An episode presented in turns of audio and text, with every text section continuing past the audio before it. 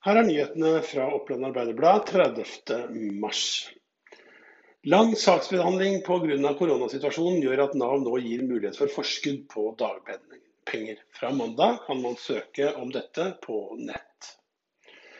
Helse Sør-Øst inngikk i helgen en avtale med to norske bedrifter om produksjon av visirer som skal brukes i sykehusene og i kommunene. En av bedriftene er verneutstyrsbedriften Less AS på Kapp.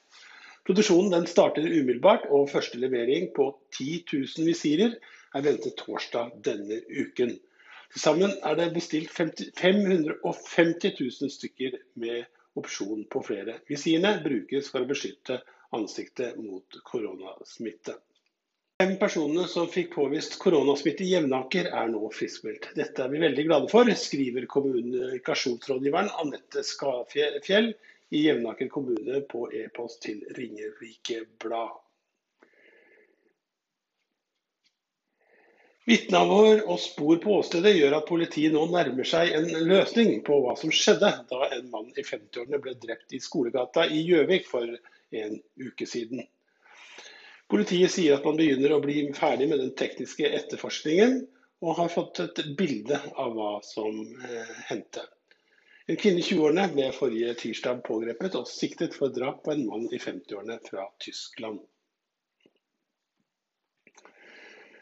Fem ansatte ved Oppland Arbeiderblad blir permittert 50% Det er grunnet bortfall av annonser som gjør at eh, Oppland Arbeiderblads salgskorps eh, vil bli rullert permittert i 50% stillinger fra torsdag av.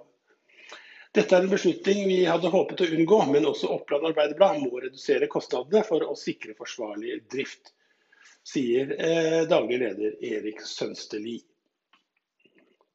Og vi tar med at mange av de fastboende langs østsiden av Einafjorden melder om omfattende skader.